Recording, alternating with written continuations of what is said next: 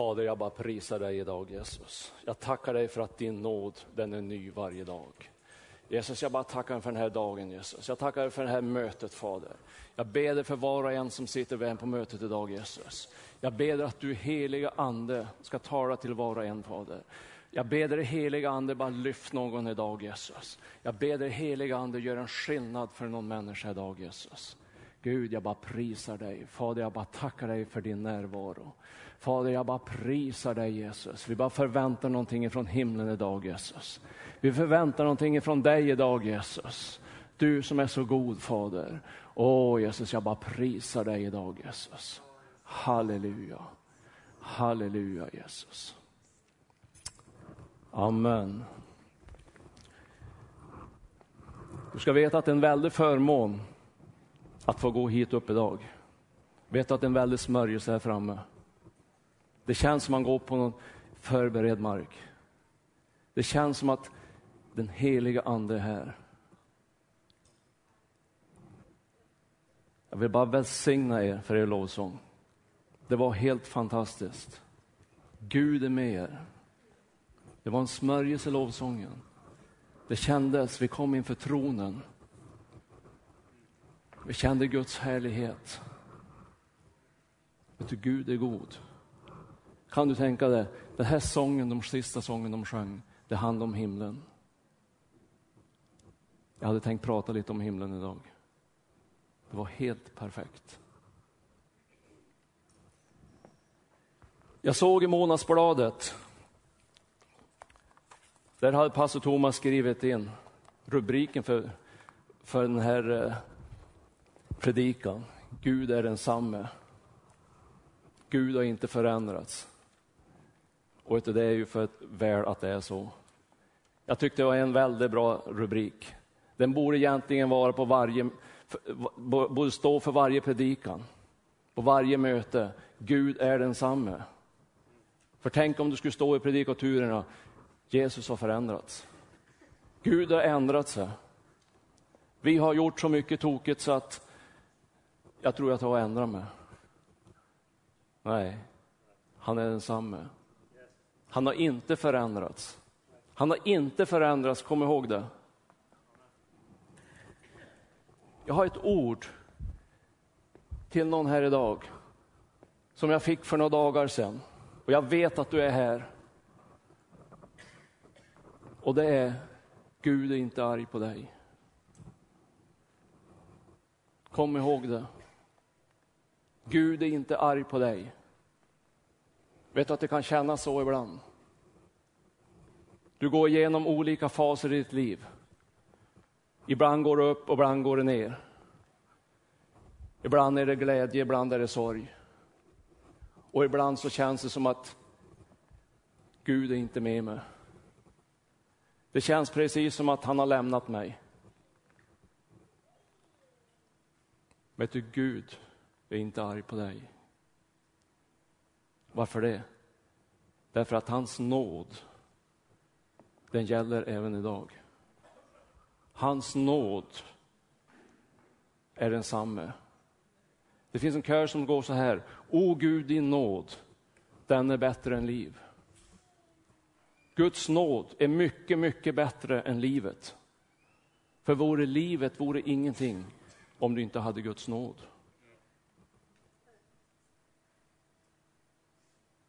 Jag vet att du är här och du känner så där ibland. Precis som att Gud är arg på det. Varför drabbas jag av det? Det ena eller det andra. Men vet du, Gud är inte arg på dig. Om jag känner mig lite nere, om jag känner mig inte riktigt på tå, vet du att då brukar jag gå och sjunga en liten barnkör som jag lärde mig i söndagsskolan. Jesus älskar alla barnen. Alla barnen på vår jord. Röd och vit och gul och svart. Det gör detsamma har han sagt. Då brukar jag inkludera mig, jag är ju barn till Gud. Jag gör den där kören till en verklighet för mig, även om det känns botten. Jesus älskar alla barnen. Jag tillhör dem. Vet du att i Johannes, slutet av Johannes så står det hur ofantligt god Gud är. Hur mycket under och tecken Jesus gjorde. Hur många löften Jesus gjorde, sa till oss. Och de gäller. De gäller idag. Vet du hur många de är? Johannes skrev så här. Jag tror inte att det ryms i alla världens böcker. De mirakler, de under och tecken som Jesus gjorde under den tid han var här. Men då kanske du tänker, ja men det fanns väl kanske inte så många böcker på den tiden. Det fanns tillräckligt med böcker. Det fanns mycket böcker. Men om du tänker från den tiden och till idag, hur mycket under och tecken har inte Jesus gjort? Då tror jag att det inte ryms i böckerna som finns idag. Om du skulle skriva ner dem.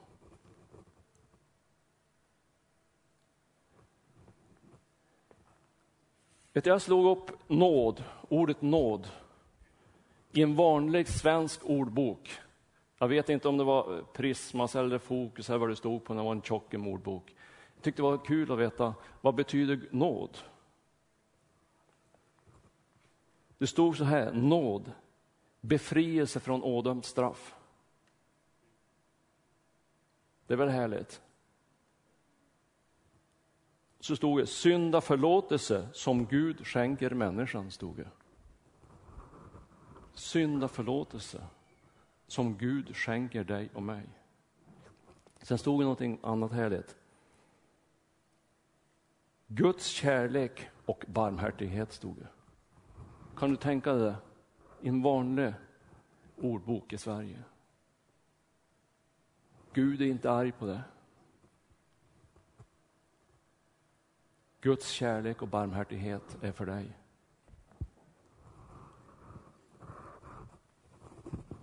Vet du att det kan blåsa storm runt omkring dig? Det kan snöa, det kan hagla, du kan gå i motvind. Men Gud är inte arg på dig. Vet du varför det är så? Det är för att du bor i den här världen. Du är i den här världen. Du kan inte göra någonting åt det. Men Gud är med dig. Gud kan ta dig igenom. Han är inte arg på dig, tänk på det. För det där har jag känt ibland. Ibland har det kommit över mig. Är Gud arg på mig? Har jag gjort något fel?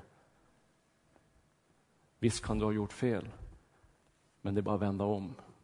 Han är inte arg på dig. Jag tror det är någon som behövde höra det här ordet idag.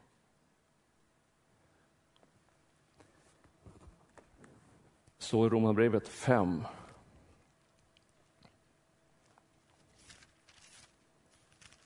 Ett och två. Då vi alltså har förklarats rättfärdiga av tro har vi frid med Gud genom vår Herre Jesus Kristus. Genom honom har vi också tillträde till den nåd som vi nu står i och vi jublar i hoppet om Guds härlighet. Du har tillträde till Guds nåd. Just du har tillträde till hans nåd.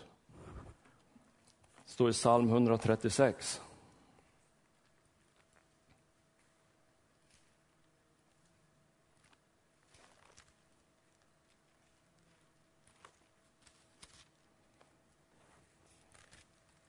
Tacka Herren, ty han är god, ty hans nåd varar i evighet. Du ser, Gud förändras inte. Hans nåd varar till evighet. Det är väl bra? Hans nåd varar till evighet.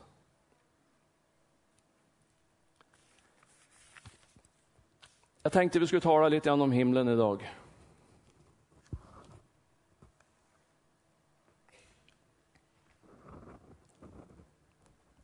Jag tror allihopa vi som är här idag, vi är helt överens om att vi lever i de sista tiderna.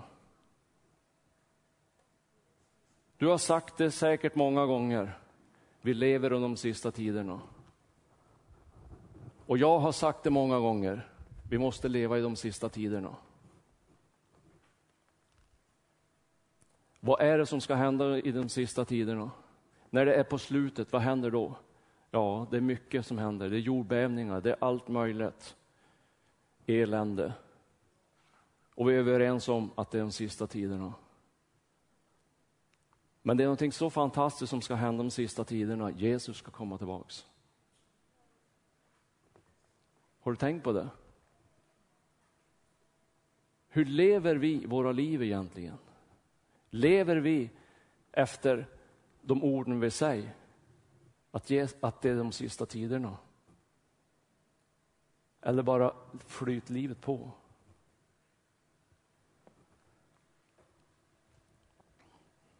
Det finns en, en, en eh, sång som går så här. Har du hört vad Bibeln lär? Jesus Kristus snart är här. Han ska komma hem, komma för att hämta hem sin brud. Det blir bröllop ovan där som vi aldrig skådat här. Är du redo? Är du klädd i bröllopsskrud?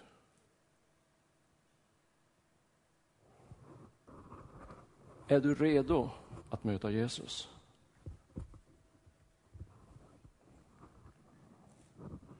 Det är det som är frågan idag. Är du klädd i bröllopsskrud? Vad är du på väg någonstans? Vet du, jag tyckte det talas alldeles för lite om himlen. För himlen, det är ju vårt hem. Himlen, det är ju dit vi ska en dag. Det är ju där du och jag ska tillbringa evigheten. Vet att det finns mycket glädje i himlen. Det finns mycket glädje i himlen. Och vi borde längta dit.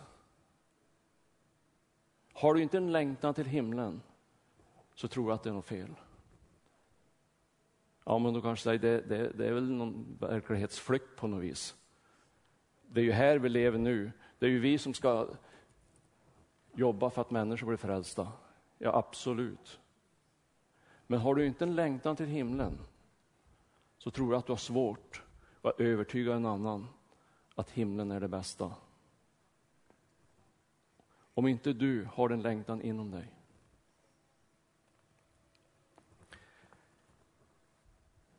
Det står i första Tess 4, ska jag läsa.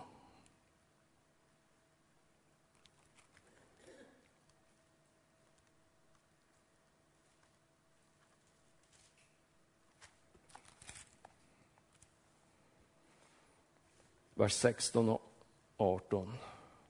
Ty när en befallning ljuder, en ärkeängels röst och en Guds basun, då ska Herren själv stiga ner från himlen och först skall det som dött i Kristus Jesus uppstå. Därefter skall alla vi som lever och är kvar ryckas upp bland moln tillsammans med dem för att möta Herren i rymden. Och så skall vi alltid vara hos Herren. Så står det i vers 18. Trösta därför varandra med dessa ord. Vet att det ska vara en tröst för en annan människa när du talar om himlen. Du ska trösta varandra, det står så. Trösta varandra med dessa ord.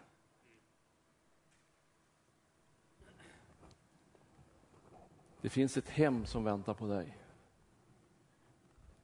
Det finns någonting mer än bara jordelivet.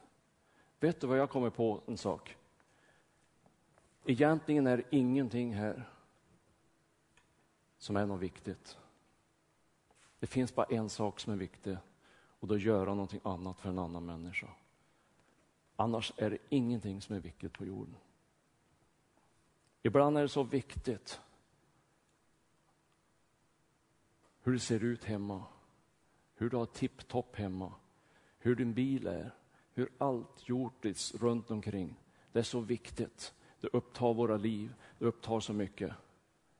Jag vill påstå att det finns ingenting som är något viktigt på jorden.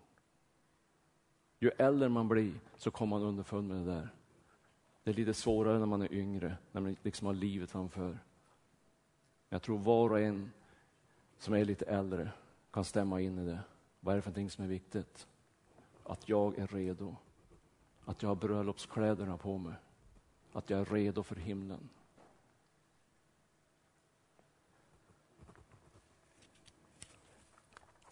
Det är lätt att det blir bara tomt prat. Att det är de sista tiderna.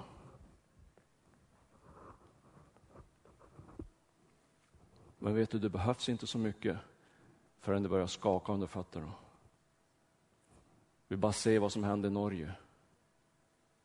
Det skakar under fötterna. Det är de sista tiderna.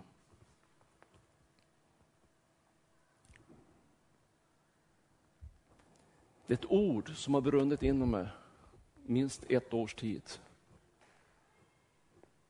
Och det är tre bokstäver i det ordet. Och det är bara eld. Och det är ordet eld. Gud, varför brinner jag inte mer? Varför har jag inte mer eld i mitt liv?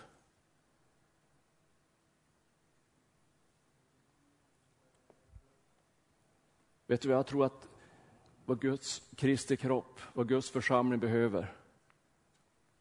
Det är eld. Det är eld. Vet du, det är tid att ropa till Gud om eld. Vet du, jag är rädd för att det är för mycket slöhet. Jag är rädd för att det är för mycket likgiltighet. Jag är rädd för att det är för mycket verksamhet. Och det är för lite eld. Det är för lite eld. Men hur får man eld som då? Jag kan inte bara säga Gud, jag vill ha mera eld. Du kan börja brinna för en annan människa. Du kan börja ta dig an andra människor. Du kan börja tala om himlen. Du kan leva i det varje dag. Det är himlen som gäller. Det är himlen som gäller. Jag är på väg till himlen.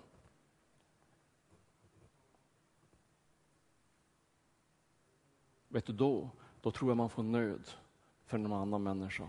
Det är då jag får börja brinna för en annan människa. Du måste bli med mig. Du måste bli med mig till himlen. För vet du en sak? Jag ska till himlen. Det är ett starkt vittnes, vittnesbörd. Jag ska dit och möta mina bönebarn. Jag ska dit och träffa dem jag har bett för, de jag har ropat till Gud för. De jag har offrat pengar till böcker i Kina, de har blivit inhystade i himlen. Jag ska ju dit och möta dem. Vilken glädje det ska bli.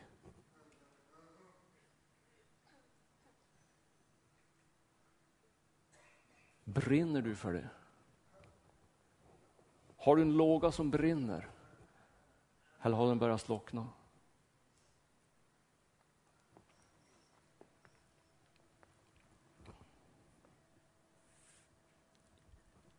Det finns en annan vers på den här kören. Eld, den här sången. Elden brinner, elden brinner, ja den brinner. Andens eld, det brinner klart ute i min själ. Jesus löste alla band, satte hjärtat mitt i brand. Andens eld, det brinner klart ute i min själ.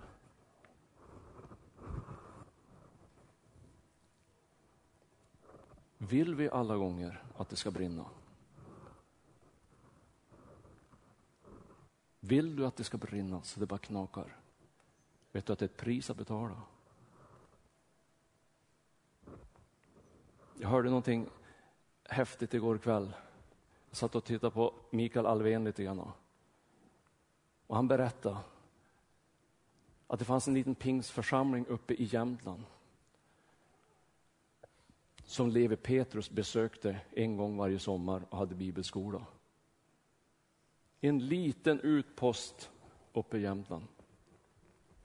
Vet du att det var ofta där ringde de brandkåren för att det brann uppe på taket.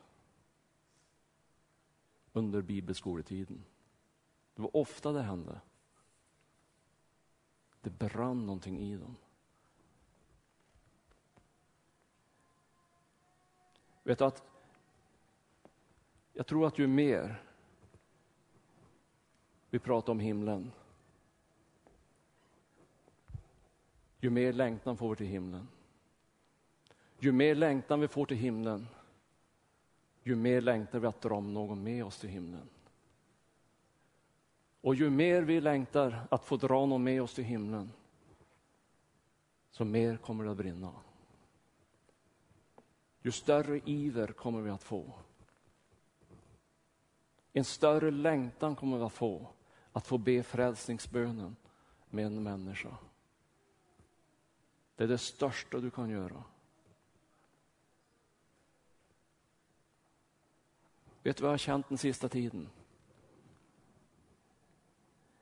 Jag tror att det finns förutsättningar att det kan börja brinna mer.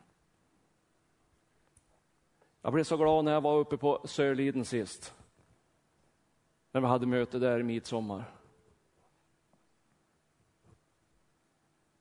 Vet du att det kändes precis som man var på ett möte i Albanien. Eller i Ukraina. Eller uppe på Mongoliets, uppe på platån där. Det var samma smörjelse. Det var samma eld. Det var samma iver. Jag tror att det där kan vara en väg för Gud att få det till att börja brinna. När vi börjar sträcka oss ut. När vi börjar göra någonting för en annan människa. Vet du, ibland är det så viktigt. Jag tänkte så många gånger själv att det känns så viktigt. Gud, då måste väl min familj komma med till himlen. Då må väl mina barn komma till himlen. Och jag brinner för det att de ska göra det. Självklart är det så. Men vet du, grannens barn är lika viktiga som dina barn. Barnen som går på sophögarna i Manila och söker, de är lika viktiga som dina barn i Guds ögon.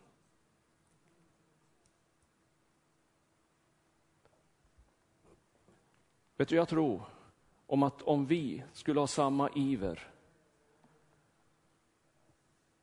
att dra människor till Guds rike som iver som vi har att våra barn ska komma till Guds rike, tror jag det skulle se annorlunda ut. För du vet hur det är med ett barn. Det är ju ditt hjärta. Det är ju du själv. Om det är någonting, om det går snett eller om det är någonting, det är något tjafs på något vis. Du kan tillbringa timmar i bön för dem. Du kan be för dem, du kan ropa till Gud för dina barn. Och det ska du fortsätta med, inte så. Men grannens barn är lika viktig för Gud. Kom ihåg det.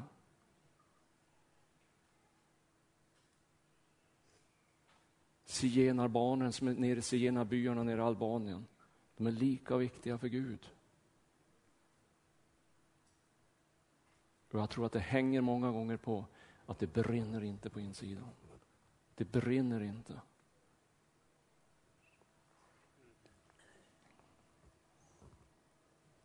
I Filipperbrevet 4.4 står det att du ska alltid vara glad.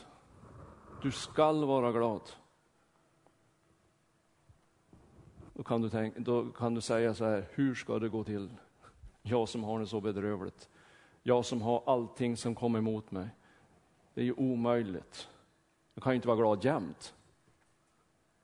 Ja, du behöver inte gå och gapskratta hela tiden. Men jag tror att du kan få ha en glädje på insidan jämt. Jämt, jämt, jämt kan du ha en glädje på insidan. Du kan ha någonting som bubblar på insidan. Du kan ha en, liksom en extra motor. Du känner dig glad på insidan. Jag är inte en som går och skrattar jämt. Men du ska veta att jag är glad på insidan jämt. Det, är något, det finns någonting. Vet du att jag tror det finns en liten nyckel till det där. Det finns säkert många, många nycklar till att ha en glädje i Gud, inte så. Men en nyckel, vet du vad det är? Tänk på himlen. Tänk på himlen, vet du. Tala om himlen. Tala om himlen med dina trosyskon. Tala inte om väder och vind och allt blask. Tala om himlen.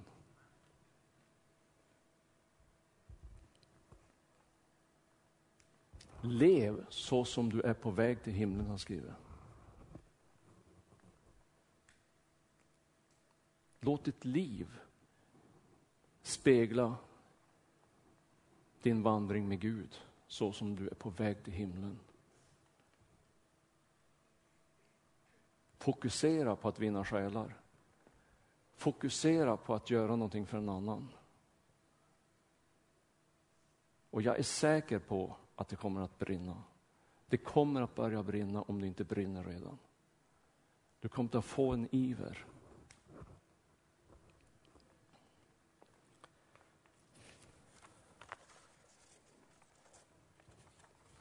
Himlen, vad betyder den egentligen för dig? Betyder det någonting för dig? Vet du, ofta, jag kan säga ofta, och jag ljuger ingenting, så fantiserar jag om himlen. Tänk dig, Storgatan rakt fram. Det är guld på den. Och det är rent guld, så det är precis, man kan tro att det är glas man går på. Tänk du dörren du knackar på. Undrar hur han tagit sig ut. Men dörren är gjort av en pärla. Visst är det härligt? Jag går och fantiserar där, vet du. Jag ska göra det, jag ska göra det, jag ska möta dem, vet du. Och med han har jag bett mycket för. Jag trodde inte att han skulle komma hit. Men han är ju här ändå. Tack gode Gud att jag höll ut i bön. Ge inte upp att be för din granne. Ge inte upp att göra någonting för en annan människa. Du kommer att få en lön en dag. Du kommer att få en lön idag, tänk på det. En lön som har evighetsvärde. Det finns en sång som går så här. När du går över floden går du ensam.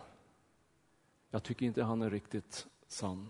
För det finns någonting du kan ta med dig när du går in i himlen. Och det är det du har gjort för en annan människa. Det är det du kan ta med dig in i himlen. Ge inte upp. Även om det känns omöjligt. Du vet aldrig vad det rör sig i en annan människas liv. Rörs in i djupet på hjärtat. Ge inte upp.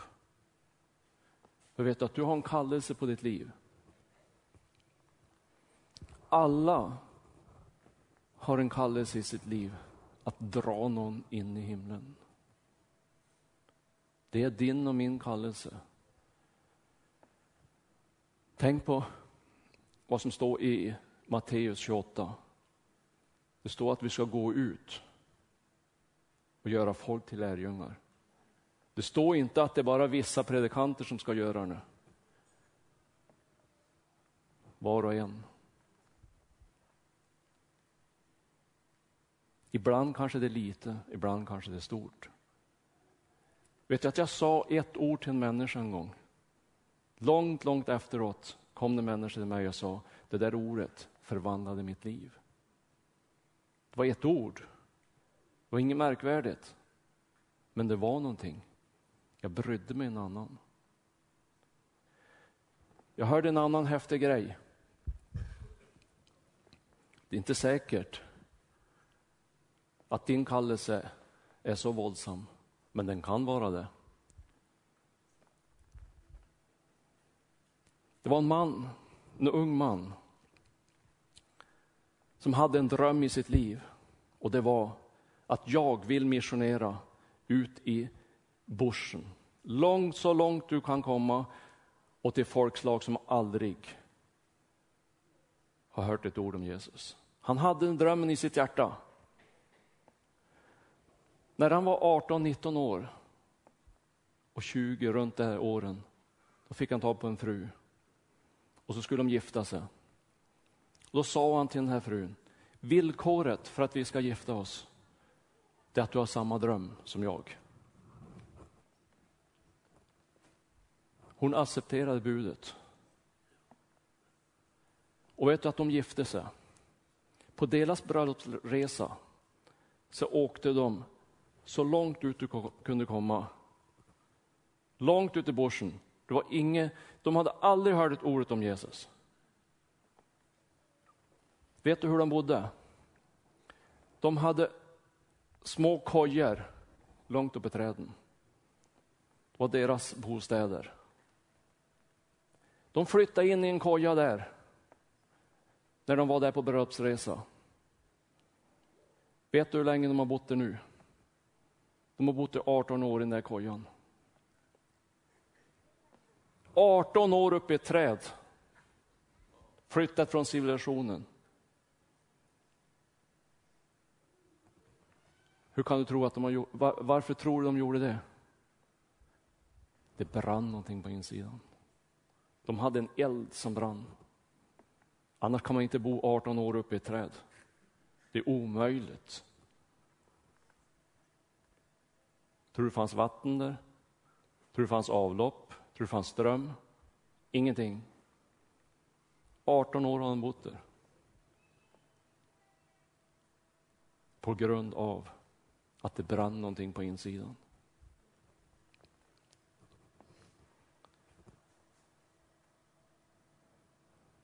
Din kallelse är det att befolka himlen. Det är din kallelse. Ja, men jag är ingen predikant, jag kan ingenting.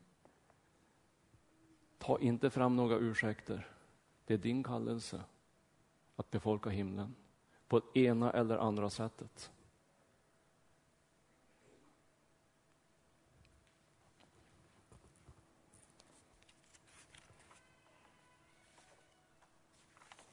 Vi ska läsa från Jakob 4.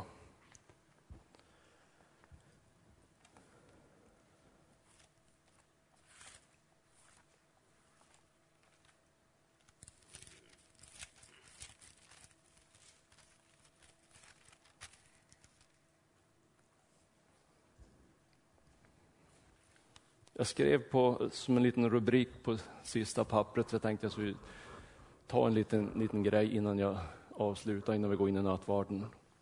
Jag skrev så här. Hur man kommer närmare Gud och närmare himlen. Vill du komma närmare Gud? Vill du komma närmare himlen? Jag tror vi är överens om det. Det är det vi brinner för. Jakob 4, 7-10. Underordna er därför Gud Stå emot djävulen så skall han fly bort ifrån er. Närma er Gud så skall han närma sig er. Gör era händer rena, ni syndare, och rena era hjärtan, ni tvehågsna. Klaga, sörj och gråt. Låt, låt ert skratt vändas i sorg och er glädje bedrövelse. Ödmjuka er alltså inför Herren, så skall han upphöja er. Genom att ödmjuka, ödmjuk överlämna sig till Gud Inse att hans förlåtelse är nödvändig och var villig att följa honom varje dag. Det är inte bara en gång. Varje dag ska du överlåta dig till Gud. Det är viktigt. Vers 7. Genom att säga nej till djävulen och inte tillåta honom att fresta och förvilla. Vet du att du har auktoritet i namnet Jesus? Att stå emot djävulen.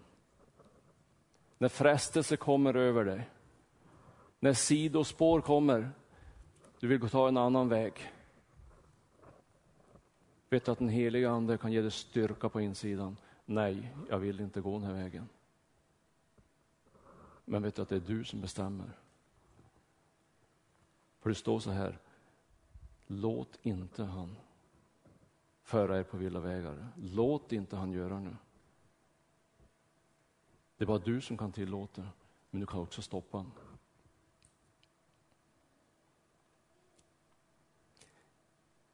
I vers 8, genom att göra upp allt med allt ont och all synd och låta sig fyllas med Guds renhet. Vet du, Gud vill ha hela hjärtat. Gud vill inte ha halva. Gud vill ha hundra procent. Skulle du komma närmare Gud? skulle komma närmare himlen? Det var bara 100 procent som gäller. Det är inte bara lite grann då och lite grann nu och när det passar och när jag har, är ledig, när jag inte har semester. Ja, om jag är ledig då kan jag. Det existerar inte i Guds rike. Om jag är ledig då kan jag. Vet du att det är fel attityd? Det, kan man, det får alla brottas med. Tro inte att jag är något bättre, jag kan brottas med det många gånger. Men det är lätt att tänka, bara jag har tid, då kan jag göra det. Det finns någonting som heter, man kan ta sig tid. Man kan prioritera.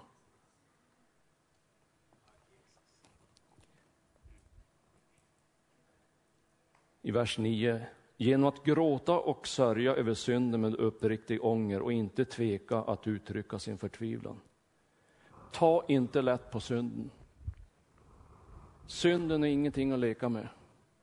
Du vet inte ordet av, så har du insnärjt det och du sitter fast. Det finns en vanlig, här finns en normal, här liksom en eh, enkel bild som vi brukar ha på, jag vet inte, på söndagsskola och på ungdomar, Sanne. Och det är att du drar en sytråd runt det så här. Synden är som en sytråd. Du kan dra den ett varv, men det går lätt att knäcka den. Du drar den två varv, du kan knäcka den. Men om det blir ett varv på varv, varv på varv, till slut så orkar du inte. Knäck tråden på första varvet. Det underlättar mycket. Vänta inte för länge. Vers 10. Genom att inse sin litenhet inför Gud. Det är han som bär mig och det är inte jag som bär hans verk. Tänk på det. Vi är ingenting i oss själva. Det var han som utvalde mig. Det var inte jag som utvalde honom. Men genom han kan vi göra mäktiga under. Genom han. Icke genom oss själva.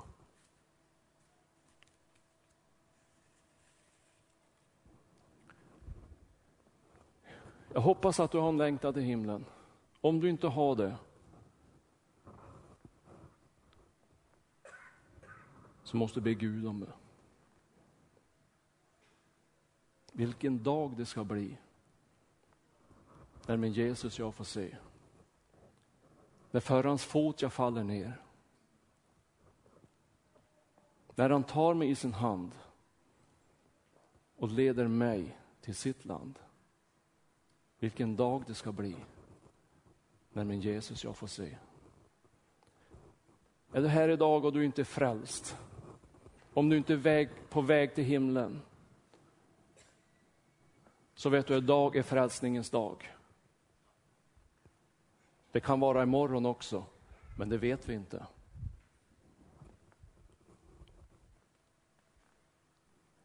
Ett liv kan släckas ut så fort. 1977 var jag med om en våldsam bilolycka. Jag och min kompis, vi var på väg till jobbet.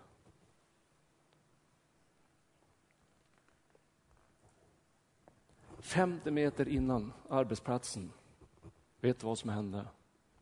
En stor timmerbil kom emot oss och hela bilsläpet vältes över våran bil.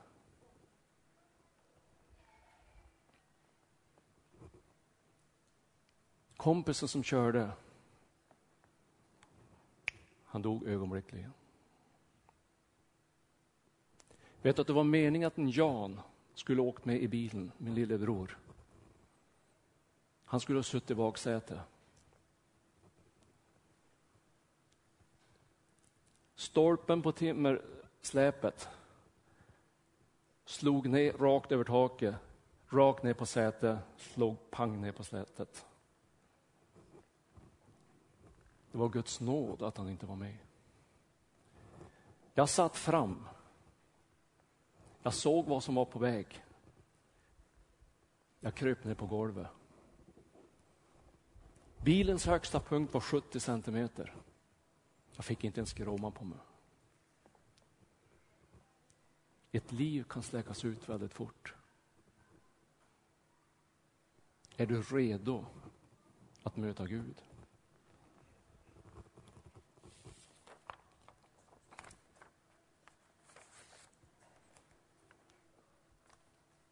Har du hört vad Bibeln lär? Jesus Kristus snart är här. Han ska komma för att hämta hem sin brud. Det blir bröllop ovan där som vi aldrig skådat här. Är du redo? Är du klädd i bröllopsgrud? Är du redo? Är du redo? Det är frågan. Är du redo att möta Gud? Det blir bröllop ovan där som vi aldrig har skådat här. Är du klädd i bröllopsgrud?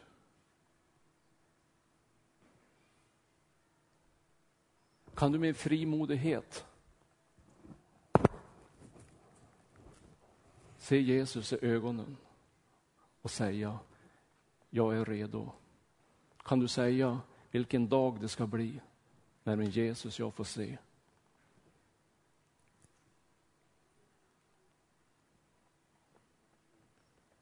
Vi var ju överens, början av mötet, att det var den sista tiden. Det tror jag fullt och fast. Men låt det inte bara bli ett prat. Tänk igenom ditt liv. Är jag redo? Ja, men jag har ju gått på alla möten i alla tider. Det var inte det jag frågade. Är du redo? Ja, men jag har predikat på många möten. Jag har profeterat. Det var inte det var frågan. Är du redo att möta Gud?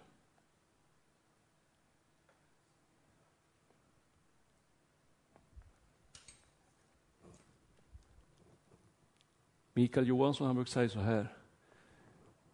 Frälsningen är gratis, men det kostar allt. Det har han sagt många gånger till mig.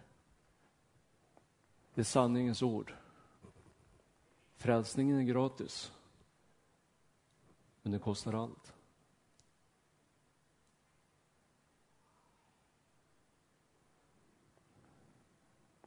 Jag hoppas att du har fått en liten längtan till himlen.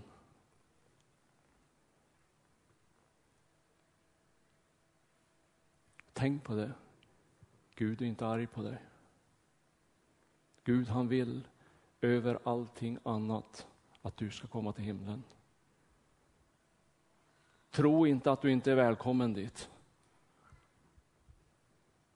Han står med öppen famn. Tänk på den förlorade sonen. Fadern stod med öppen famn, du är välkommen. Tänk på Petrus.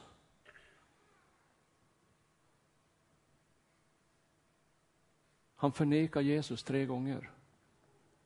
Han stod med öppen famn.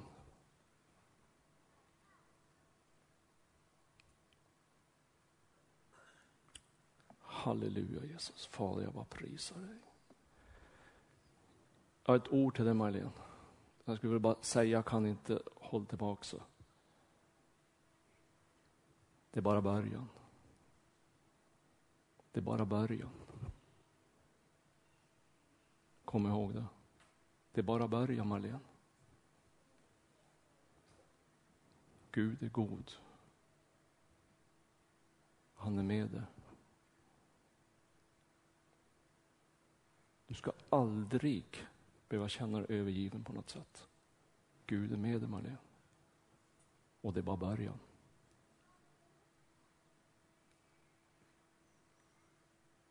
Vi ska gå in i nattvarden nu. Nu ska lovsångarna komma upp. Kristoffer, här ska du ta över. Och i och med att vi ska gå in i nattvarden så ska vi öppna upp för, för förbön. Är det någonting som har tagit tag i dig? Är det någonting du har börjat tänka på? Är det någonting du vill ha hjälp i bön med? Så kom fram. Så finns det, det finns flera ene som kan be för dig. Vi ska hjälpas åt att be. Du ska inte bekänna det att jag är ensam på något sätt. Du har trossyskon, du har vänner som ber och ropar till Gud för det. Vi står vid din sida. Är du sjuk så finns det läkedom. Det finns hälsa i nattvarden. Det finns mirakler att hämta. Tänk dig, vi är ju förbund med Gud. Alla hans löften gäller ju idag. Och allt han har gjort det röms inte i böckerna som fanns. Det är inte lite. Och han är densamme idag. Han har inte förändrats. Och hans nåd, den räcker ända in i evigheten. Det är otroligt.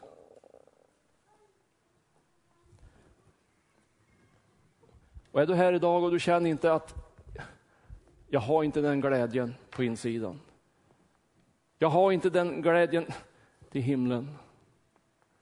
Så kom fram, ska vi be tillsammans. Vi kan be om mera eld. Vi kan be tillsammans och vi kan fatta ett beslut tillsammans från och med idag. Så vill jag leva ändå närmare dig Jesus.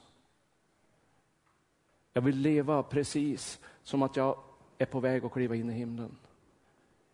Jag vill gå med dig ännu starkare, ännu mer. Det finns mer. Det finns mer, vet du. Men jag ber ju så mycket varje dag. Jag läser Bibeln så mycket varje dag. Det finns mer.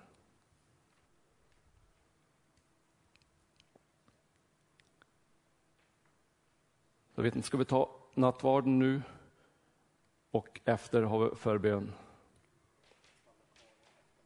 Ja, precis. Ja. När du har tagit nattvarden kan du stanna kvar här framme så finns det människor här som ber. Ska vi stå tillsammans? Att vi ska komma överens.